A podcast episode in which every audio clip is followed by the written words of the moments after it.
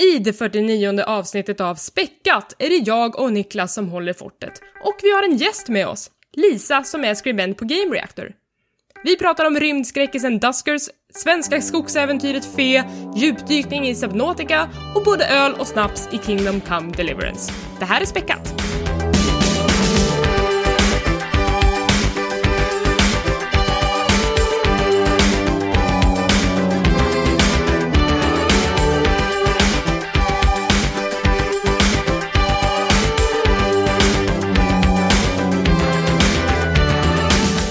Hej och välkomna till Späckat, en podcast om spel och allt runt omkring. Det här är avsnitt nummer 49. Jag heter Elisabeth och den här veckan så har vi med oss en gäst. Det är ingen mindre än Lisa. Välkommen! Tackar, det är jag. Ja, precis. Du är skribent på Game Reactor Stämmer och på bra. två.se där våran podd ligger ute också. Eh, och vi tänkte att vi skulle liksom vilja ha med dig i ett avsnitt och få höra dina tankar och åsikter om spel helt enkelt. Ja, och det är ju, Ja. ja. vad gillar jag? Vem är jag? Ja, berätta. Eh, ja, som sagt, eh, jobbar på Game Reactor, skriver om spel, spelar spel, försöker att låtsas som att jag vet vad jag pratar om på Twitter. Ah, som vi alla gör. Skriver om allt möjligt på engelska, du vet. Du vet hur det är. Ja, absolut. Eh, ja, vad, Vad gör spelar man? du? Helst. Spelar väl, okej, helst. Jag gillar att säga att jag är en sån här allätare, men det är, stämmer ju aldrig riktigt. Alla som säger att de är allätare är ju inte det. Ja, men man gillar ju någonting lite extra speciellt också. Ja, men precis. Jag, jag skulle nog säga att skräckspel är väl främsta. Annars Oh. eh, såna här riktigt tunga rollspel. Typ Fallout, Wasteland, Divinity. Mm. Divinity var fint. Första tian jag någonsin satt var Divinity Original Sin 2 förra året. Nice. Ett av de bästa spelen jag spelat i mitt liv.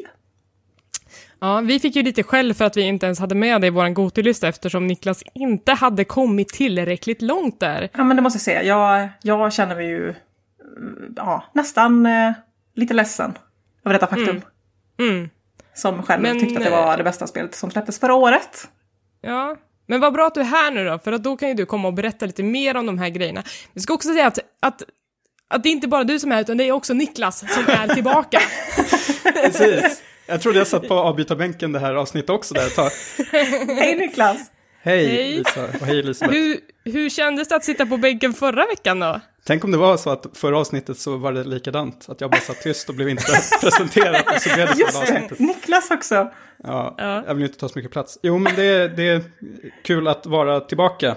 Ja. Eh, efter att ha utmanövrerats av eh, Per Landin, prestigevärvningen. i, eh, Ja, han kickar mig från chatten. Nej. Ja, och, och liksom Tommy, jag tycker han gick ganska hårt åt dig. Han ville ändå insinuera att du hade fått kicken där någonstans, men... Ja. Eh, Han passar på. Men Ja, jag, jag, jag gillar i och för sig tanken på, liksom nu så här i OS-tider, att späckat det som någon slags, jag vet inte, skidlandslaget kanske, att eh, det är den bästa, det bästa gänget som kör varje vecka.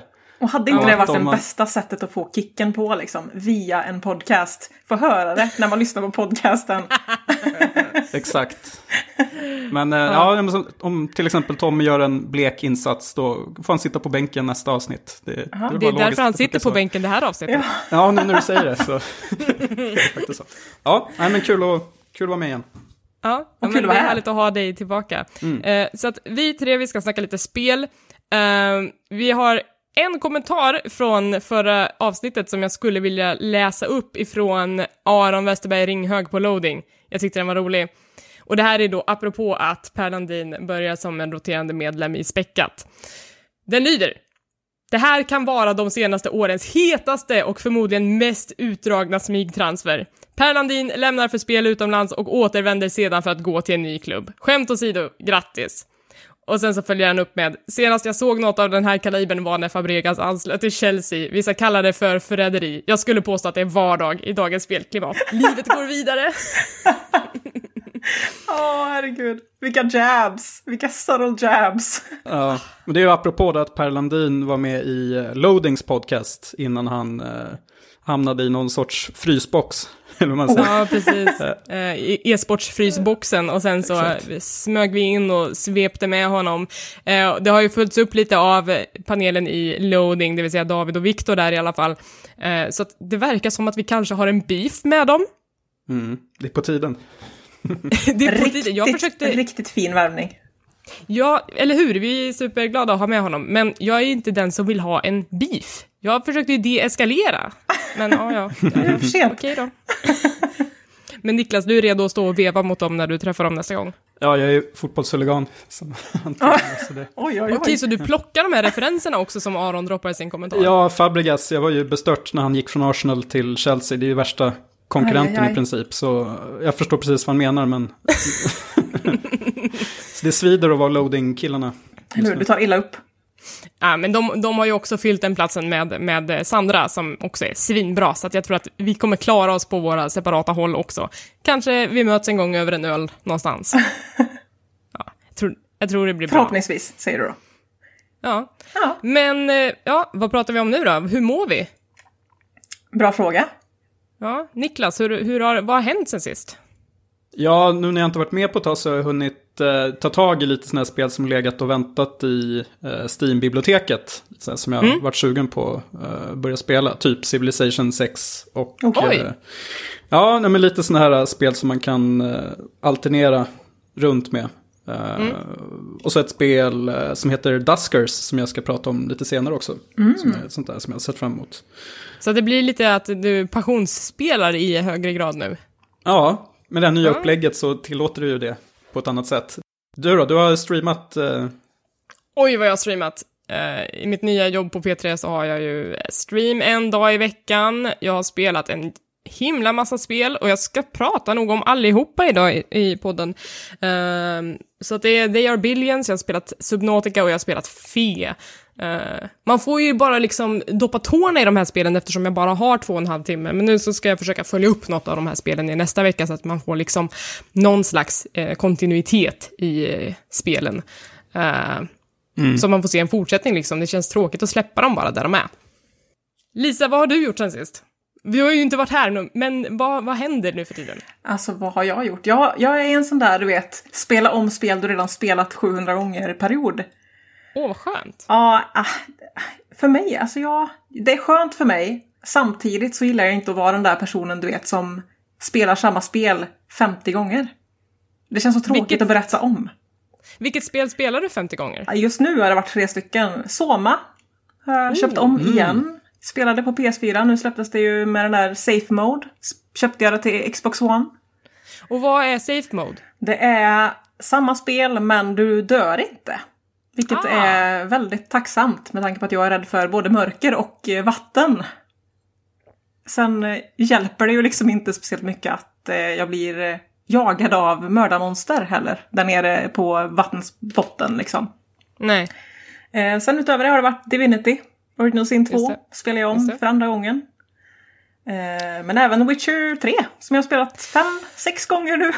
Oj, Oj, oj. men alltså det där är ju såna där spel som tar liksom 100 timmar och du är ändå Ja. inne på femte genomspelningen av Witcher 3 Ja, som bara sjukt. varit ute i liksom två år, eller Ja. vad är det liksom? Ja, det är hemskt egentligen när man tänker efter.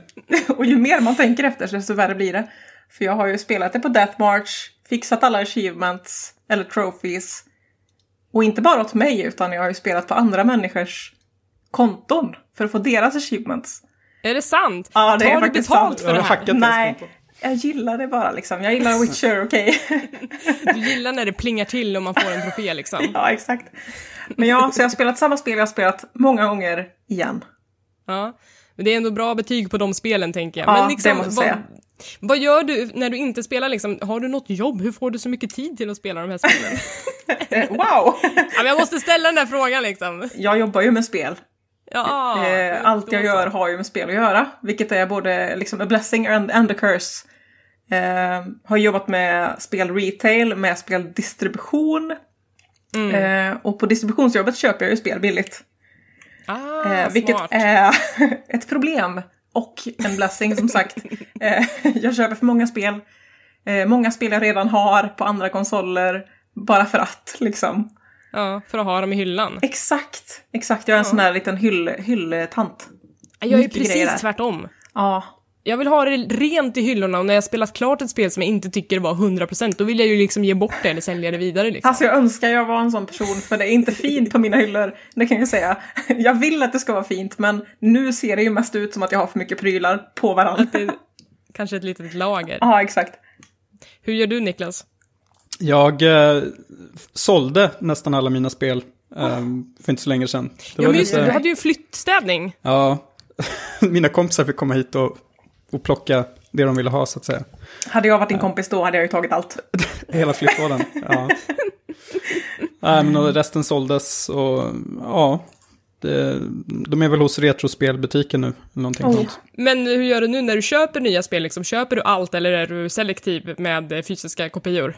Väldigt selektiv. Det är nästan Mm. bara digitalt faktiskt. Ah, Eh, ta upp för mycket plats.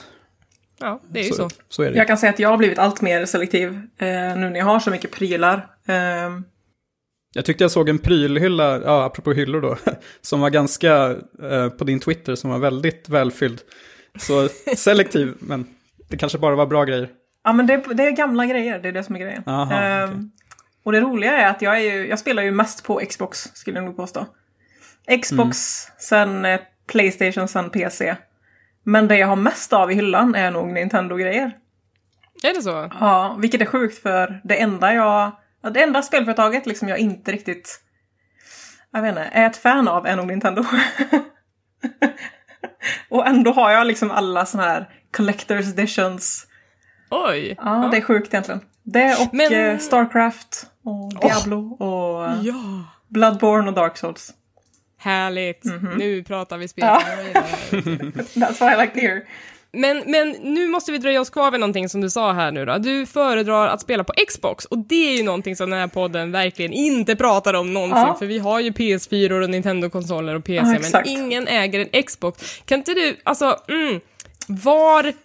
Hur, hur ser det ut för Xbox idag liksom? Går det bra för Scorpio? Känns det bra liksom? Jag är ju... Jag har ju varit en Xbox-tjej sedan 360 egentligen. Jag gick från PS2 till Xbox 360 till PS4 en kort tid. Jag, jag köpte PS4 innan min Xbox One bara för Bloodborne. Eh, sen när Bloodborne var färdigt så köpte jag en Xbox. Och jag, jag är ju ett Xbox-fan men samtidigt så är jag ju inte helt blind heller. Jag ser Nej. ju att eh, Xbox har... Ja, de ligger under med spel. Så är det ju. Och så I liksom ser det vilka ut som är exklusiva till Ja, konsolen? Eh, det, känns som att eh, Microsoft har satsat på att vara en tredjepartsmaskin med Scorpio. Mm. Eh, och jag tror inte att de satsar så jäkla mycket på exklusiva, alltså exklusiva spel från början. Nej. Eh, och de exklusiva spelen de har, jag vet inte, de, eh, de kan inte konkurrera med Sonys. Så är det ju bara. Nej, det blir väl också liksom svårt när de också kommer till PC, för att då Exakt. blir det ju också ett incitament för folk att inte skaffa en Xbox. Exakt. Eh, å andra sidan tror jag att de kan, jag kan tänka mig att Microsoft funderar på om de ska köra Xboxen som en hybrid. Att det är dit de vill gå. Ah, Att de vill köra på PC-racet med Xbox One. Att de vill göra det mer och mer till en komponentbaserad konsol. Mm. Eh, vilket jag tror är the best way to go för Microsoft. Om jag ska vara helt ärlig. För Sony har så många alltså, köpta och lojala utvecklare som gör så mycket bra spel åt dem. Och det har ju inte Microsoft samtidigt. Mm. Så det, det kanske är på väg att bli den ultimata speldatorn egentligen. Ja, precis. Det är det jag tänker. Det är det jag tänker. Mm. Men de har ju också lanserat en ganska så här aggressiv grej med deras Game Pass. Har du Ja. någon koll på hur det här ser ut? Game Pass verkar ju helt sinnessjukt. Eh, tanken bakom det är ju att du ska kunna köpa Game Pass för, ja jag vet inte, jag har inte koll på exakt vad det kostar i månaden, men eh, så får du ju alla spel som kommer exklusivt till Xbox One. Och det är ju en insane satsning. Det är någon sla- slags Netflix-tjänst Ja, fast med precis. spel. Exakt. Och det är ju ganska intressant, men då kommer man ju åter till den där frågan, hur många exklusiva spel finns det? Exakt, och det är det som Så är, det är det de det är det som är grejen. Mm. Det låter ju som att det är liksom, att de kommer gå back miljarder på det här liksom. Men de har ju inte så många spel exklusiva. Och Nej. precis, det är ju det du säger att eh, det är ju där frågan kommer. Är det värt det när man väl har fått alla de där exklusiva spelen? Precis. Ja, äger du en Scorpio? Nej, det gör jag Nej. icke. Jag... Kommer du göra det? Det är tufft det där. Jag, eh, jag ser ju Xbox One som en tredjepartsmaskin. Mm. Så jag vill ju egentligen köpa mig en, en Scorpio. Eh, samtidigt så känner jag mig mer och mer sugen på en PS4 Pro nu när det kommer så himla mycket PS4-spel i år. Just det. Eh, som jag vill spela. Jag har inte rört min PS4 sen Persona 5. ah, Eh, inget Uncharted-fan, liksom gillar väldigt få av Sonys exklusiva spel egentligen. Last of Us, Persona 5, Heavy Rain gillade jag jäkligt mycket, Until Dawn. Men eh, i år verkar det komma väldigt mycket spel som jag verkligen ser fram emot på Sony-sidan, vilket är väldigt länge sedan. kanske en liten PS4-revival då. Ja, ja, men jag tror det. Jag inser nu, jag inser nu också att vi har kallat det för Scorpio, men jag menar ju Xbox One X. Ja, men såklart. Men Scorpio visst är ju liksom, menar det. finns ju en Project Scorpio-variant av Xbox One X. Det är ju the code name. The code men name är alltid coolare liksom. Ja, det, det känns bättre att säga Scorpio än Xbox One X. Och så är det, så, det är så nära Xbox One S också.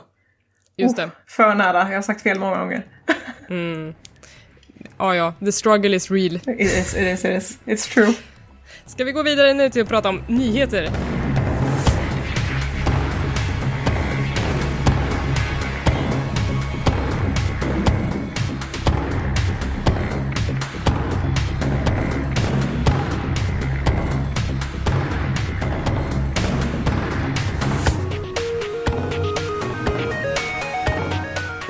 Så, så känner väl jag att det är en stor grej som har hänt nu den senaste veckan som, som är väldigt stort och viktigt för i alla fall den svenska spelhobbyn och det är att eh, hashtaggen vi spelar inte med, som är en avknoppning av metoo, eh, har gått ut och publicerat några av berättelserna som har kommit in under Ja. den tiden som deras insamling har varit eh, igång.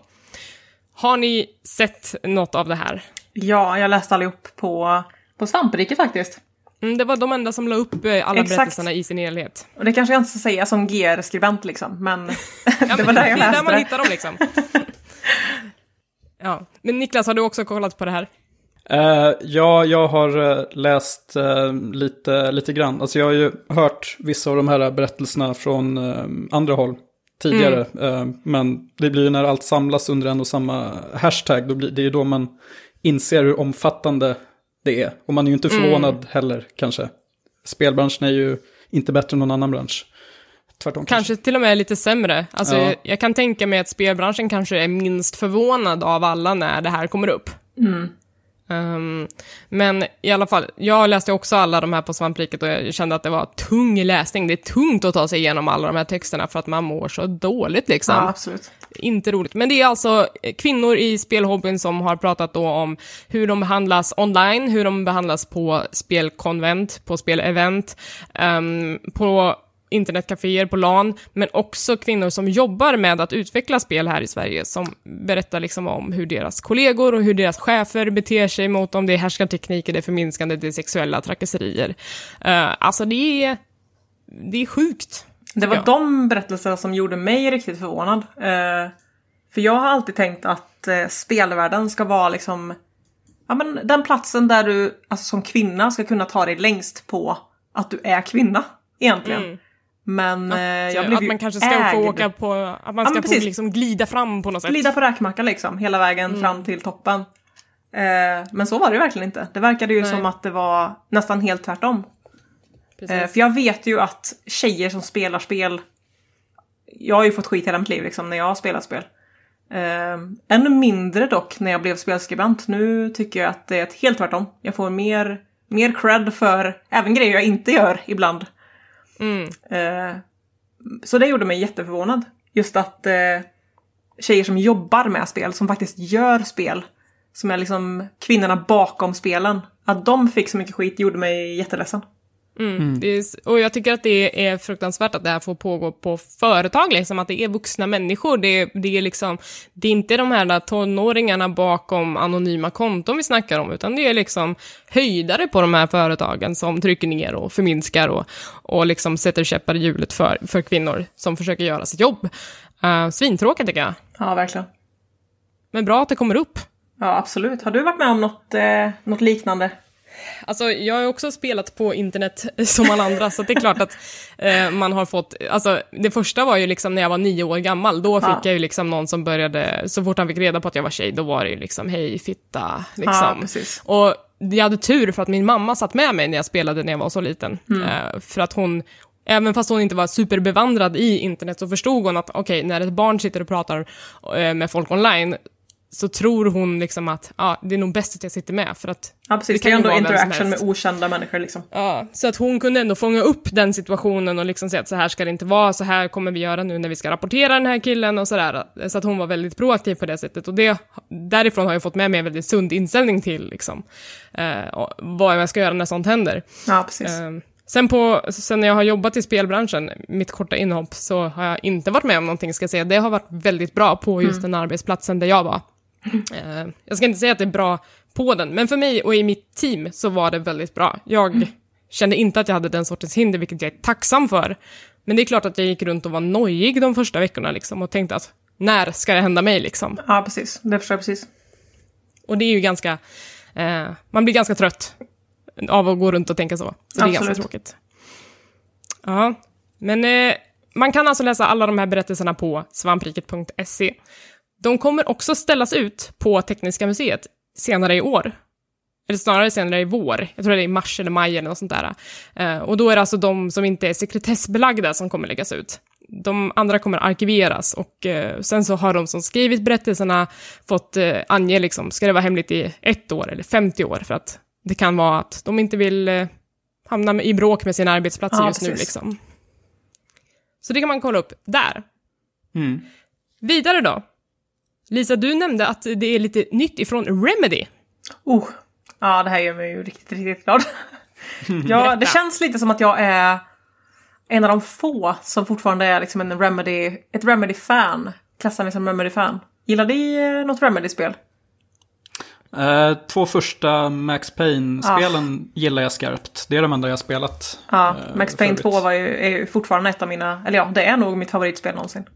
Ja. Aldrig spelat ett Remedy-spel. Oh, girl! Jag har... Eh, vi, kan, vi kan prata om det här då.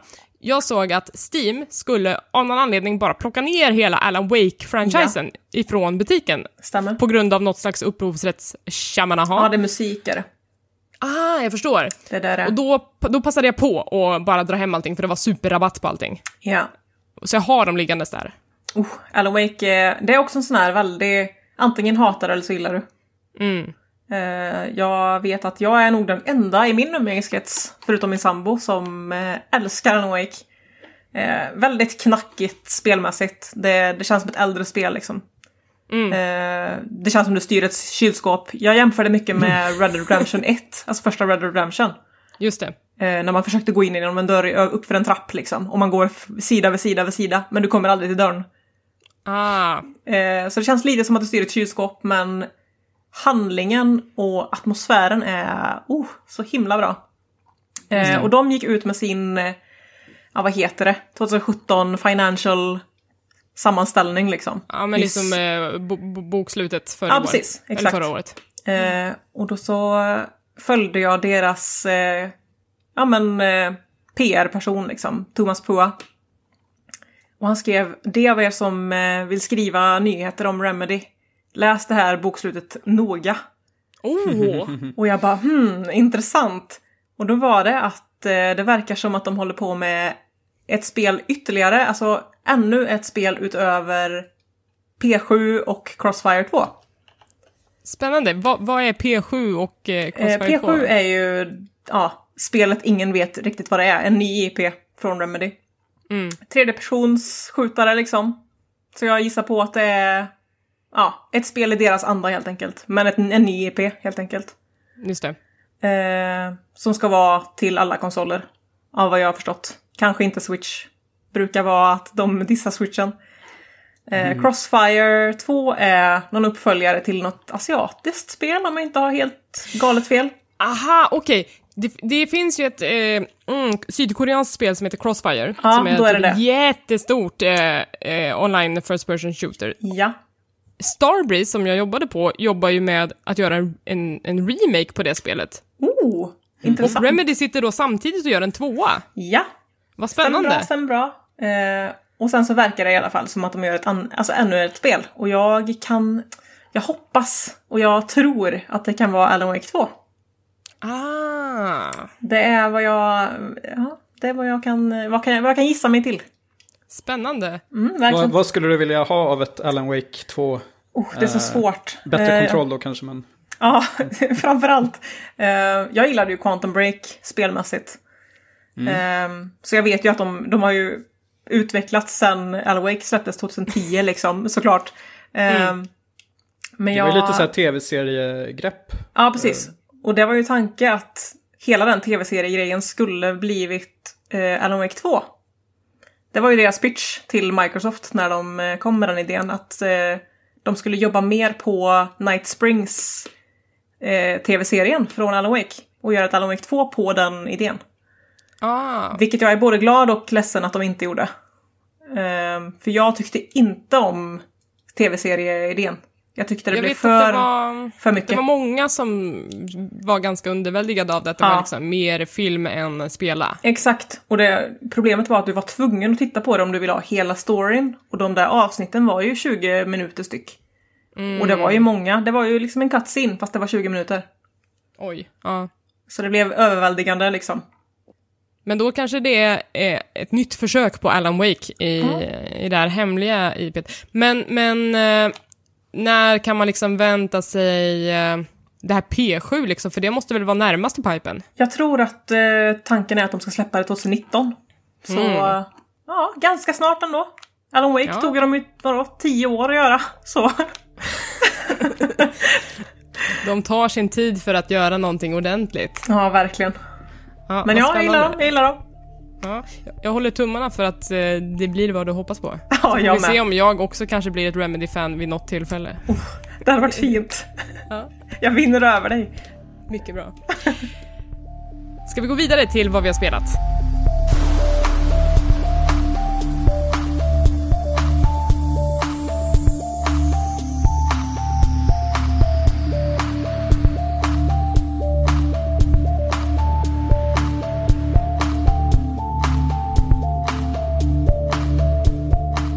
Niklas, nu när du har passionsspelat spel, vad har du att berätta om först?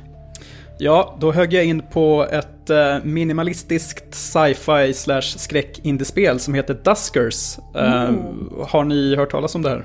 Ja. Nej. Jag har. Jag eh, såg någon YouTube-recension om det, tyckte att det såg superintressant ut. Min sambo gjorde slag i saken och köpte det och spelade det lite grann. Så att jag har tittat över axeln. Det ser ganska trevligt ut. Det beror på vad man menar med trevligt. Det, Det är ju ganska otrevligt. det är ganska Ja, otäckt. Det emellanåt. ser kul ut. Ja. Ehm, nej, men det handlar om att du ehm, som protagonisten så vaknar du upp på ett, eh, ett rymdskepp. Som, eh, och du är då, av allt att döma så är du universums sista överlevande.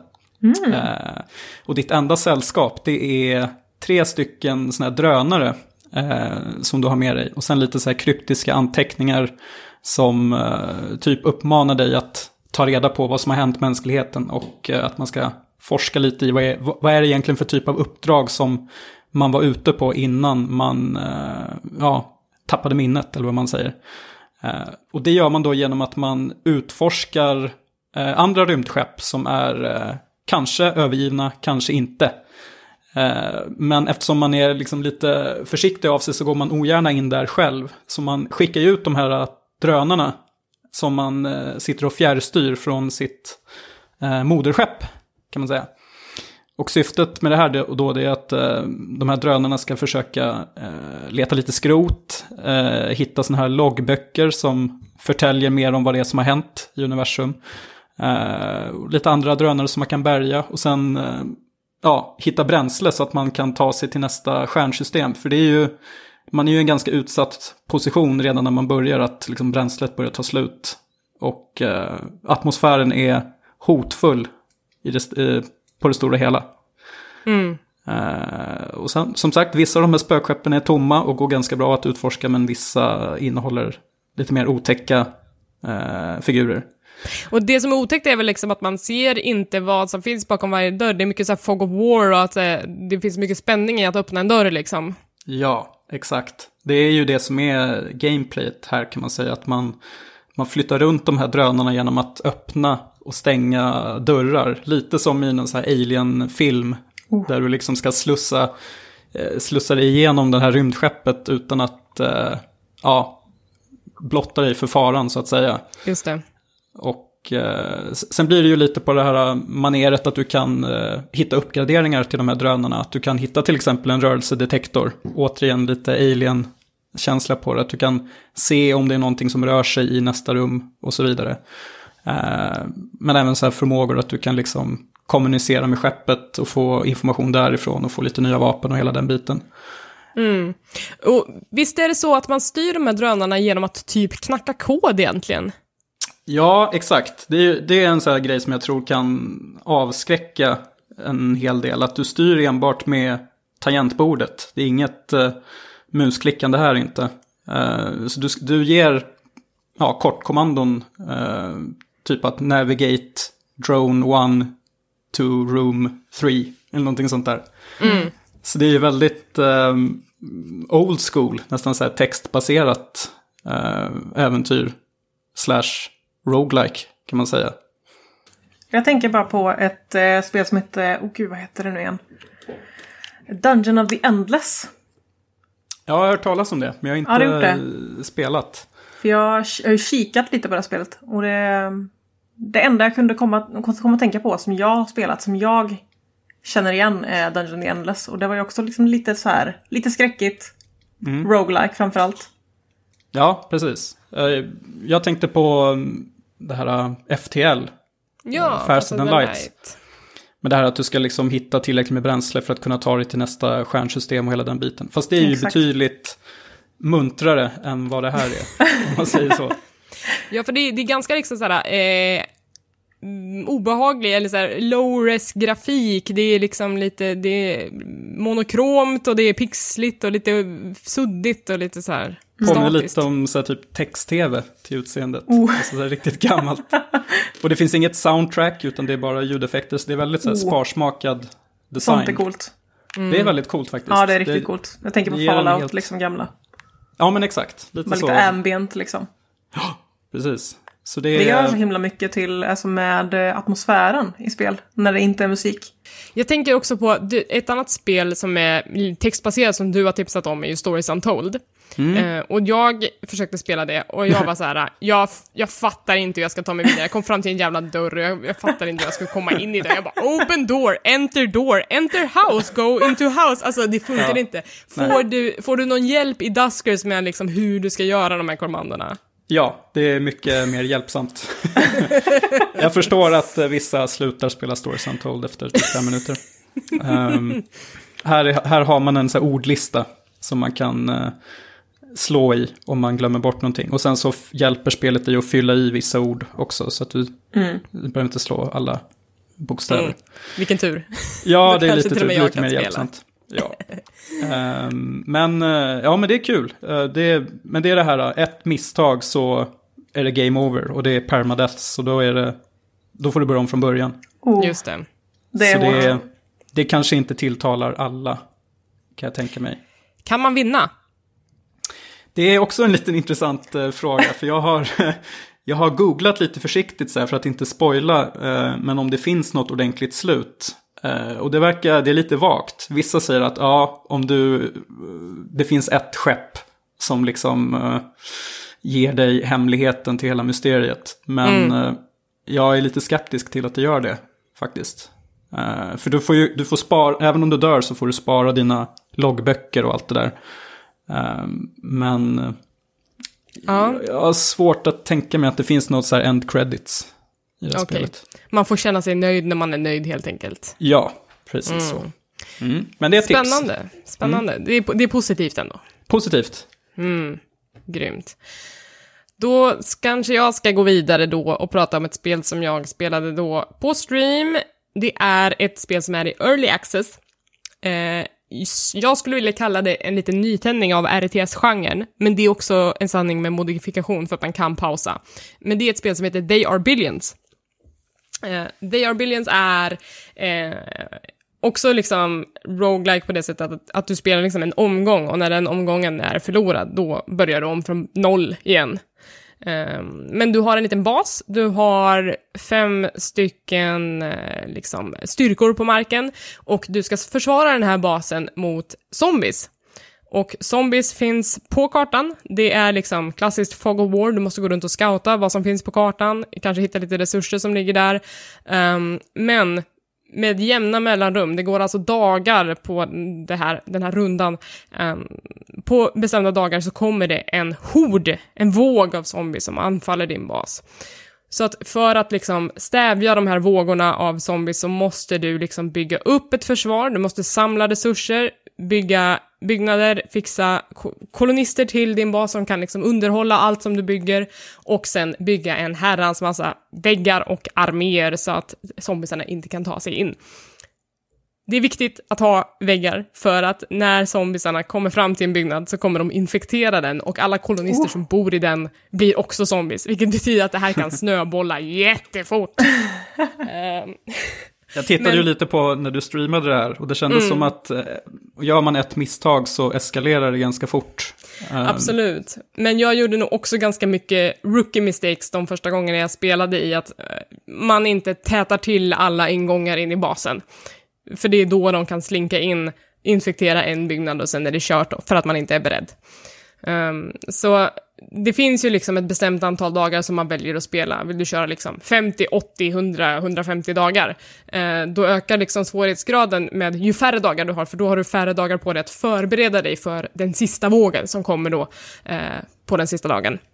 Um, så att jag har kört på liksom 150 dagar, jag har kört på ganska lätt svårighetsgrad, men, men jag är ändå så pass ny till det att det är svårt även när det är enkelt liksom. Man måste sätta sig in i hur ekonomi fungerar och, mm. och eh, ja, hur man ska ta sig an det hela egentligen. Men eh, hur många liksom, svårighetsgrader finns det? Hur, jag tror det vilken... finns typ fem olika. Och, du och jag kör är på... kanske andra lättaste. Mm. Så jag skulle kunna jobba mig uppåt härifrån, men eh, ja, vi får se om jag kommer köra det någon gång mer på stream först, för att jag vet att folk ville se en fortsättning på det där gamet som ändå gick ganska bra, eh, men som jag fick pausa i då. Men känner du att du blir bättre och bättre för varje, att du lär Absolut. dig mer och mer?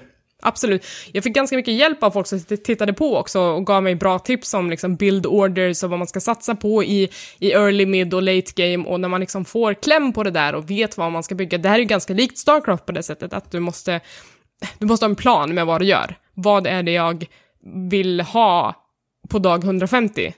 Då måste jag liksom ha en långsiktig plan för att ta mig dit samtidigt som jag har ett bra försvar under resterande dagar. Så att eh, på det sättet så är det ett ganska, en ganska härlig nytändning av RTS-genren som, som ändå har varit lite på dekis. Um, den, ja, jag är ju supersugen faktiskt. ja, men den tankeknölen har blivit aktiverad igen och det känns superbra och kul. Mm.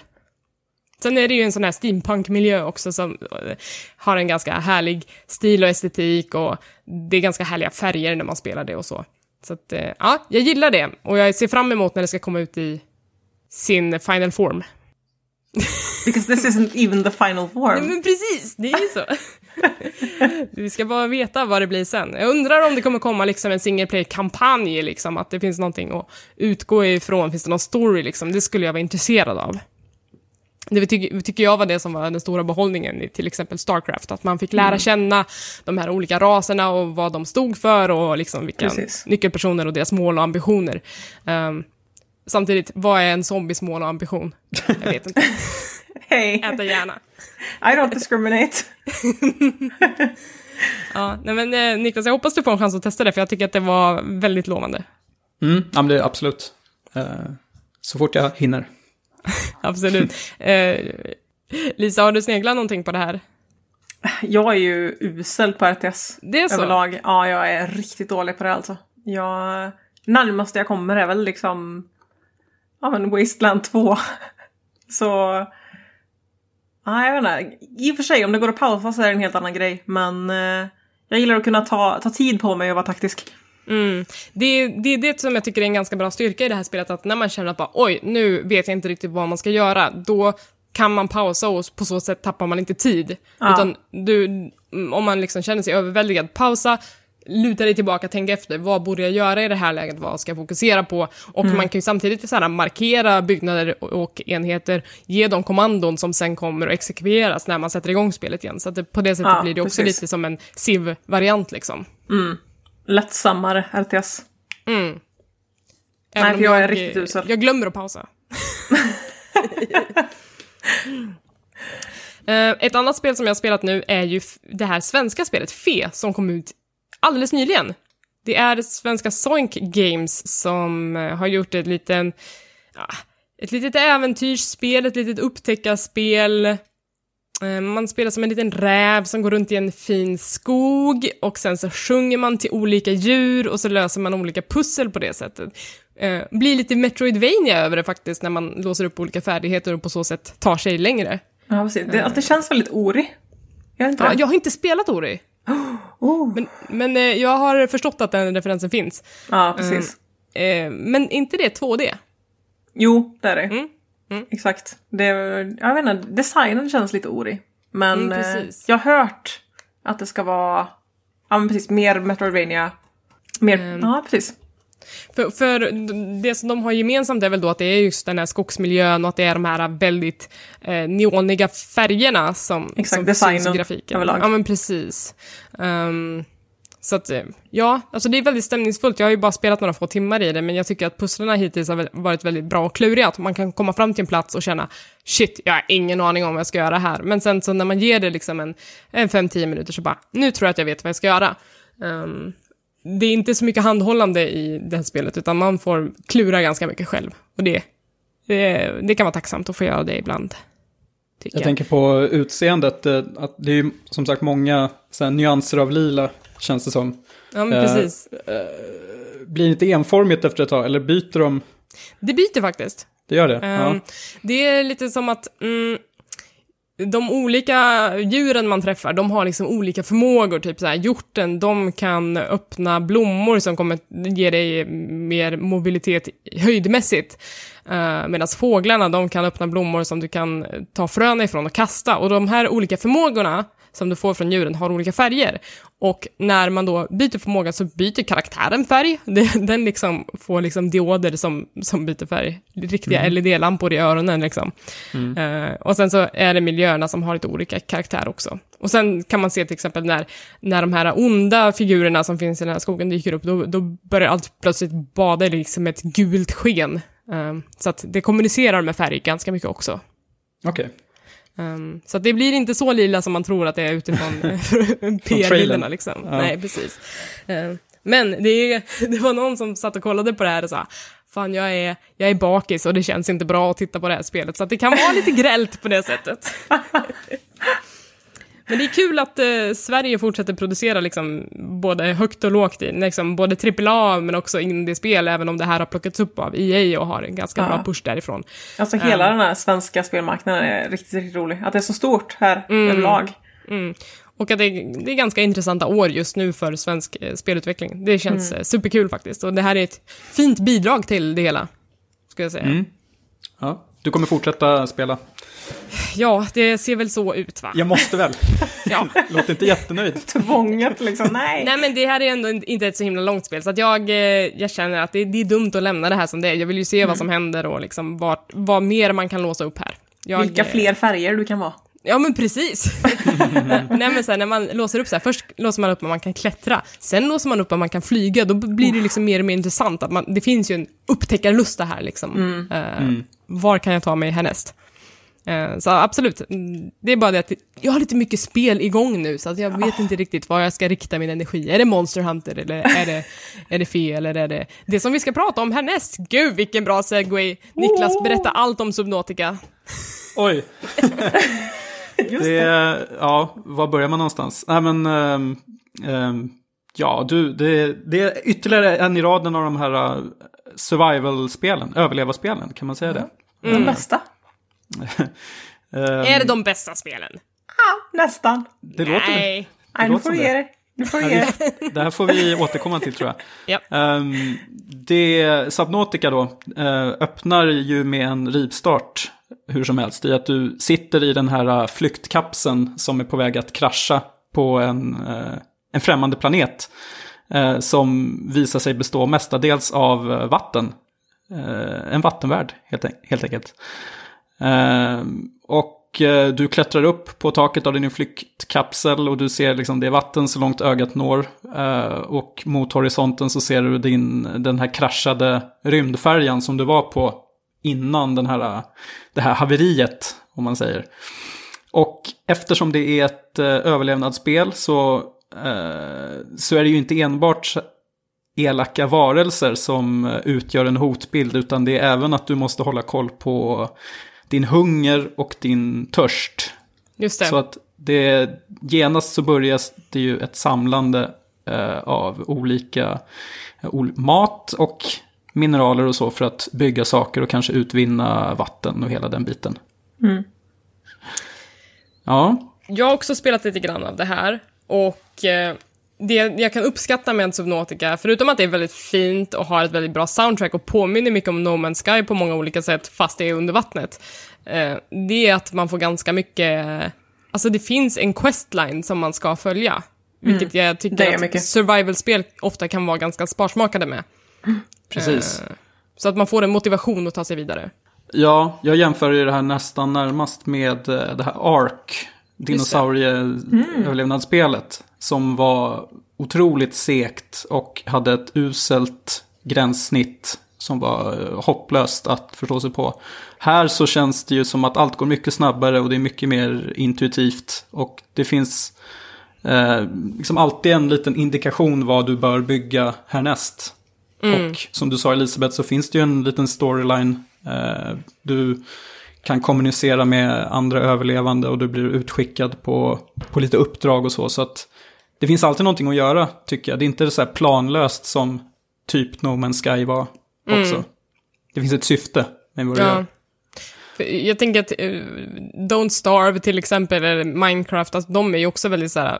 Gör vad fan du vill i princip. Det kommer, det kommer komma svårigheter, men du får, du får lägga precis så mycket tid som du vill på det. Um, men, men Subnautica är ju på det sättet ganska bra på att pusha den vidare. Däremot så kan jag känna att det krävs så mycket förkunskaper i de här spelen som man bara kan hitta typ via Google.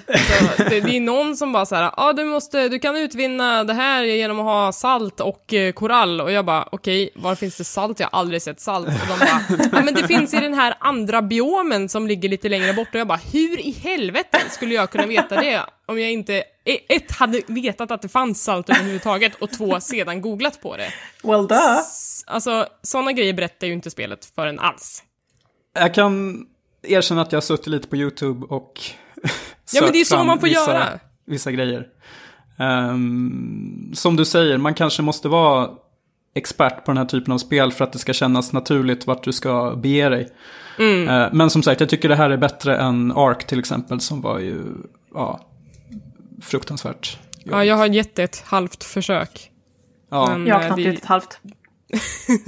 det gick inte så bra. Vad, vad har du för erfarenhet av survival-spel, Lisa? Du som ändå gillar genren då? Det beror på vad det är för survival-spel såklart. Ehm, det finns ju så, alltså det är ju en så himla bred term. Ehm, Men tänk typ den här sortens överleva, samla, bygg, Ja, liksom. Inte ett fan överhuvudtaget. Nej, Om jag ska vara helt ärlig. Jag gillar inte att nej, men behöva hitta grejer. Jag vill liksom... Visst, jag gillar att kunna tänka själv. Men jag gillar inte att kunna tänka, alltså att behöva tänka själv när det gäller, åh, vad är det jag behöver för att bygga den här prylen liksom. Just det. Och hela den här saltgrejen, det hade ju jag slitit mitt hår över liksom. På tre minuter. Alltså det är, ju mycket, det är ju mycket det här att du, du ska samla ihop till en, eh, en, en sån här, ja, laserskärare eller vad det heter. Och då måste du först samla ihop till det som krävs för att ha laserskäraren. Eller för att skapa laserskäraren. Ni Alltså fattar. research för det Ja. liksom. Ja men precis. Du ska ju hitta ritningar och eh, det, det, är mycket samlande. Gillar mm. man inte det då eh, ska man nog kanske inte spela Subnautica. Jag Men, tänker att det ska vara mm. så pass eh, logiskt att du ska kunna lista ut det själv. Inte att du ska behöva tänka inte att du ska behöva googla för att veta Nej, vad precis. det är för in, alltså ingredienser du behöver till att göra någon potion eller någon laserskärare. Liksom. ja, det var det bästa jag kom på. uh, ja, nej, men jag, jag, förstår vad du menar. Jag, jag ska ju precis, jag är i uppstartsfasen nu här av att bygga min bas. Uh, för det är kan man bygga en bas? Ja, visst. Eller bara, oh! Ja, men jag är ju... Eh, där är liksom du ska ha diverse olika komponenter som ska sitta helt rätt eh, och så vidare. Men där har jag ju suttit på YouTube då och eh, kollat lite hur man gör, så att säga. Så det är inte glasklart för, för mig som är... Ja, jag är väl relativt nybörjare till genren också. Mm. Men jag tycker att det känns inte lika motigt här som i... I uh, Ark. Ark. Och, mm. och No Man's Jag hatar mycket på Ark här. men, uh, nej, men det känns liksom, det känns kul att, uh, att utforska för det känns som att man blir belönad tycker jag med, med bättre grejer. Du kommer aldrig tillbaka tomhänt mm. efter en Det är ju mycket. Ja, precis. Och att du bygger bättre saker som gör att du kan ge dig ut på längre eh, exkursioner. Och framförallt att, att du kan gå djupare. Det är väl kanske trumfkortet tycker jag med spelet. Det här att, att verkligen kunna utforska de här grottsystemen. Jag vet inte om du kom så långt Elisabeth, men det är ju en, en ganska mäktig eh, grej att när du inser hur djupt vissa sträcker sig, då kan det bli ganska klaustrofobiskt också eftersom du måste tänka på hur mycket eh, syre du har. Så att du måste liksom ge dig upp igen eh, i viss tid när du har samlat klart. Så det, är... Um, ja, men det blir, det blir spännande att samla, helt enkelt. Jag tänker ju också att det, jag hade någon slags felaktig tro om att det här var lite av ett skräckspel. Alltså det finns ju element som är skrämmande, till exempel om man är rädd för djupt vatten och liksom vad som döljer sig i havets djup. Eh, men det finns också typ, jag blev ledd in i någon slags, vid sidan av det här stora moderskeppet så hade det bosatt sig någon jävla uh, fisk i en av motorerna som kom ut och bara skrämde mig skiten oh. av mig. Mm. Uh, det, men, det hände mig också. men är det läskigt liksom annars eller är det liksom... Alltså är det skrivet att vara läskigt eller är det sånt som bara händer? Ja, för jag har ju jämfört det med Soma i mitt eget huvud liksom. Ja, alltså Soma är väl kanske mer så här existentiell skräck mm. på något sätt. Ja, precis. Det är ångest. Mer psykologiskt liksom. Verkligen. Här är det ju, jag blev också rädd där som sagt, det var ju ett så här jump scare. Det, blir, det är ju ganska enkelt till en början när du har det här turkosa vattnet och det, fienderna ger ifrån sig lite ljud innan de attackerar så att det känns ganska harmlöst. Men sen när man kommer till det här mer så här grumliga delarna där du kanske bara ser ett par meter framför dig och det finns monster som inte varnar innan de attackerar, då kan det bli ganska obehagligt när de bara dyker upp från Usch. ingenstans. Så där känner jag ju lite skräckblandad förtjusning att uh, fortsätta på de delarna. Jag måste tillägga också att det känns som att uh, Subnautica, det har ju VR-stöd. Mm, och det känns oj. som att det är ett spel som är som klippt och skuret för, för VR. För du har ju, när du uh, använder VR så har du ju de här glasögonen som redan känns som en typ cyklop som sitter väldigt tight på uh, i ansiktet. Ja. Så det borde vara otroligt uppslukande att uh, uppleva det här i VR. Jag tänkte ja. på den här gamla typ, jag vet inte, Oculus Rift-demon om ni körde den med den här hajen som kommer och äter upp nej, en. Nej, jag har missat den, men det låter ja. hemskt. Ja, det känns ju som att, de, alltså, att det här spelet kan ha gjorts med VR in mind. Jag tror nästan det faktiskt. Mm. Uh, för det är, ytter, det är ytterligare ett av de här survival-spelen som började i early access. Som, eh, som så mycket annat. Precis, det har varit ute ganska länge, men nu har det ju äntligen då kommit ut på riktigt. Precis, och har rejält med innehåll också. Så det känns som att det har ju mått bra av att få växa fram i early access. Om man tänker att typ No Man's Sky kanske skulle ha gått den vägen också. Just det. Uh, ett annat spel som inte har gynnats av uh, early access, om man ska ta det åt andra hållet, det är ju Rust, som precis har kommit ut i, oh. i riktig släppt form och alla bara har ju redan spelat det. Är det så himla kul och intressant nu? det känns som att det inte har gynnats av early access-perioden. Alltså, Nej, det, alltså early access-perioden kan ju bli för lång. mm, det har ju varit i nästan fyra år tror jag. det Ja, var. precis. Det är samma sak med, med DayZ. Just det. Det Exakt samma sak där. ut. Nej, precis. Och folk har ju blivit trötta på det nu liksom. Mm. Man tänker att nu har det här varit i early access i fem år. När det kommer spelet som jag har betalat för liksom. Ja. Eh, och nu har det ju kommit bättre motsvarigheter. ja, jag får hoppas att They Are Billions inte håller på i fyra år i alla fall. Minst. Men, men eh, känns det som att du kan lägga liksom 40 timmar på det här Niklas, eller kommer du vara nöjd snart? Alltså just nu känns det som att det bara har börjat. Jag, Ah. jag har ju precis samlat ihop för att kunna bygga en sån här eh, enmansubåt, eller vad man säger. En sån här som ni vet, en sån som James Cameron lät bygga när han skulle utforska Marianergraven. En sån här som att man verkligen kan gå nästan tusen meter på djupet. Så det är, det är nu spelet börjar, skulle jag säga. Spännande. Kul. Ja. Du får eh, uppdatera oss nästa gång eh, på vad som har hänt sen sist, tycker Ni jag. får återkoppling, absolut. Ja, det ser vi fram emot.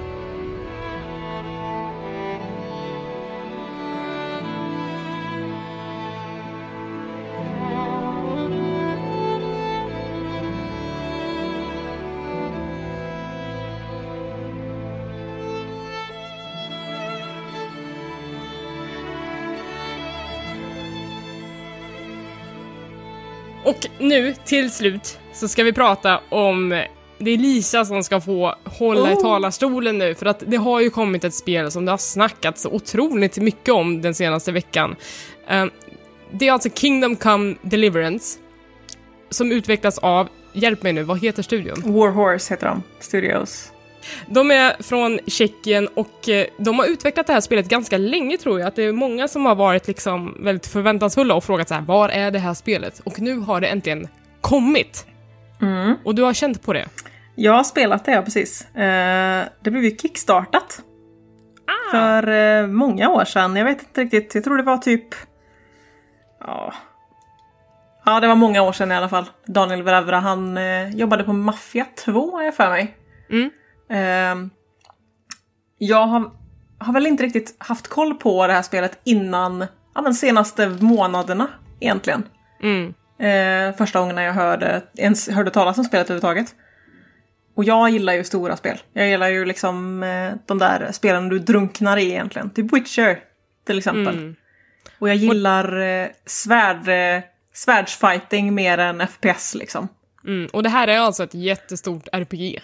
Väldigt stort, jätteambitiöst spel.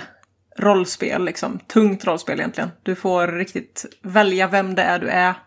Du har en satt karaktär. Du är en eh, Henry. Eh, Blacksmith's son. Berätta, Yeah. placera Henry i, en, i miljön. Var är vi någonstans? Vi är i Böhmen. 1400-talets, eh, vad blir det? Tjeckien. Men det är väl, vad blir det? Tysk, Tysk-romerska riket. Mm. På 1400-talet. Eh, härlig tid, där alla mådde bra. Det låter så. Eh, spelar en, eh, en kille som heter Henry. Eh, son till smeden. Eh, börjar med jättemysigt. Jättefärgglad, färgstark eh, liten stad Skalitz. Som är silverstaden.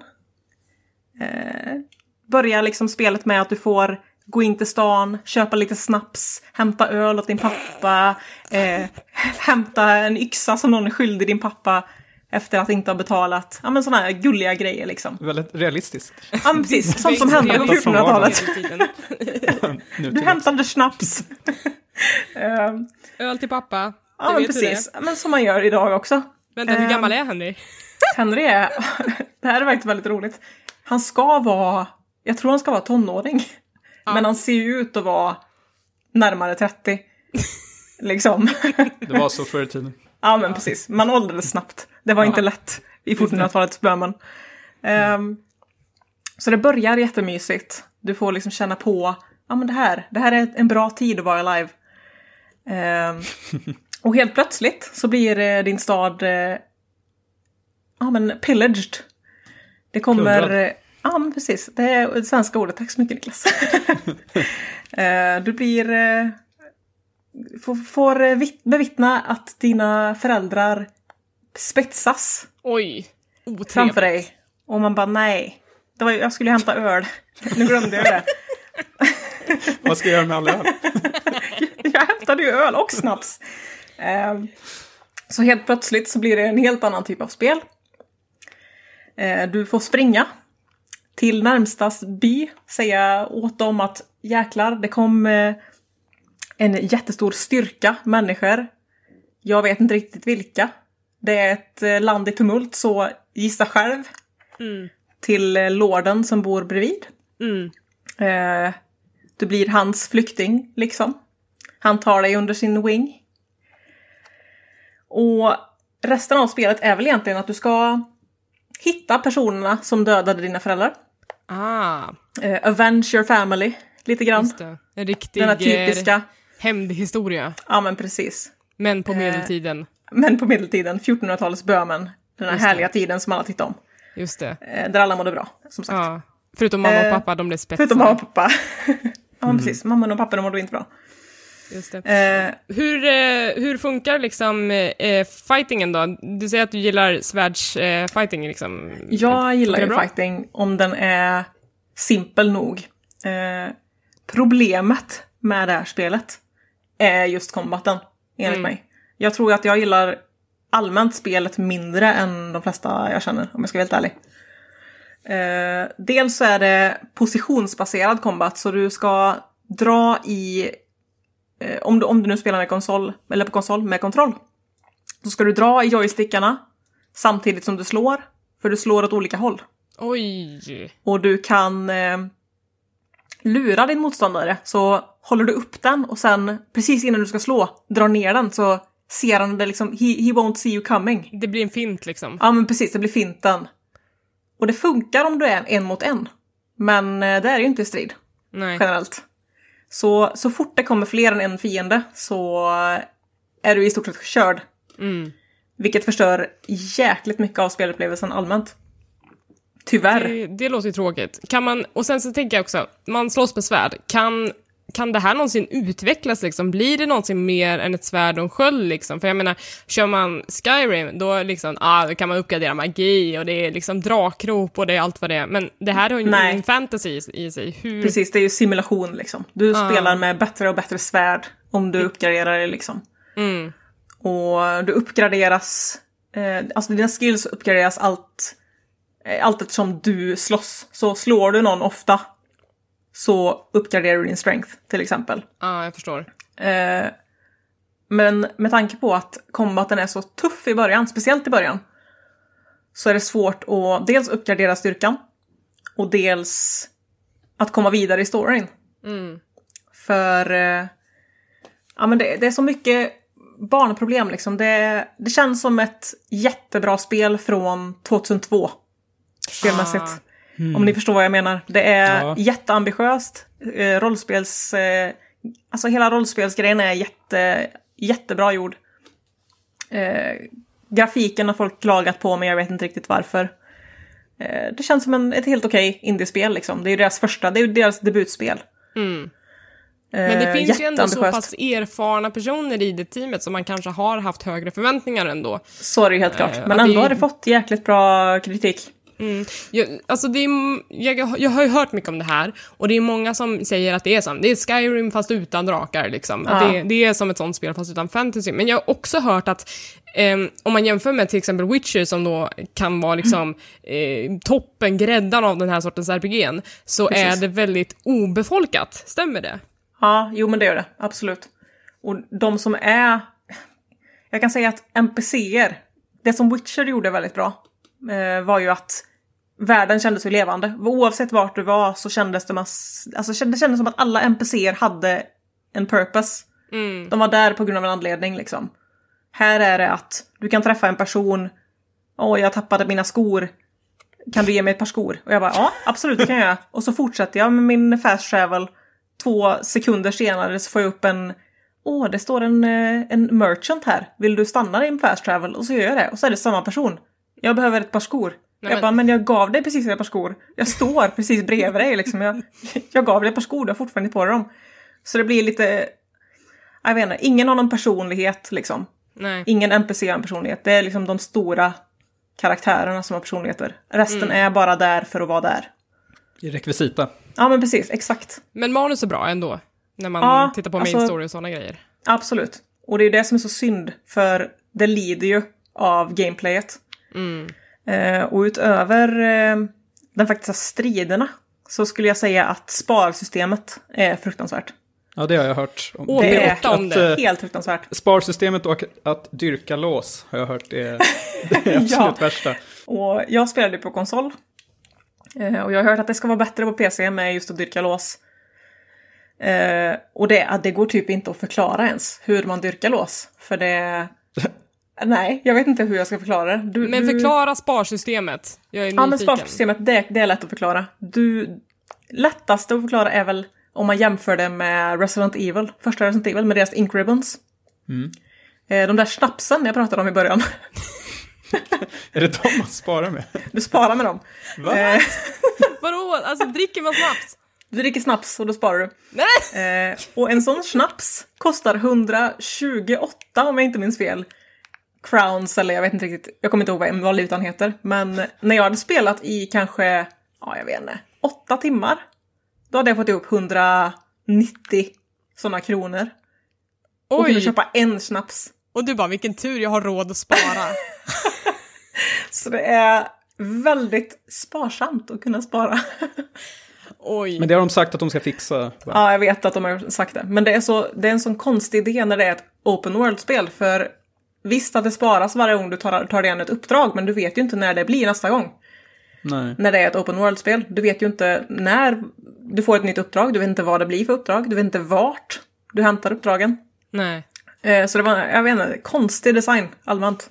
Jag menar, det är väl, alltså, jag tänker att nu 2018, vi vill ju kunna spara ungefär när vi vill, eller åtminstone men kunna precis. förutse när vi ska spara ungefär. Exakt.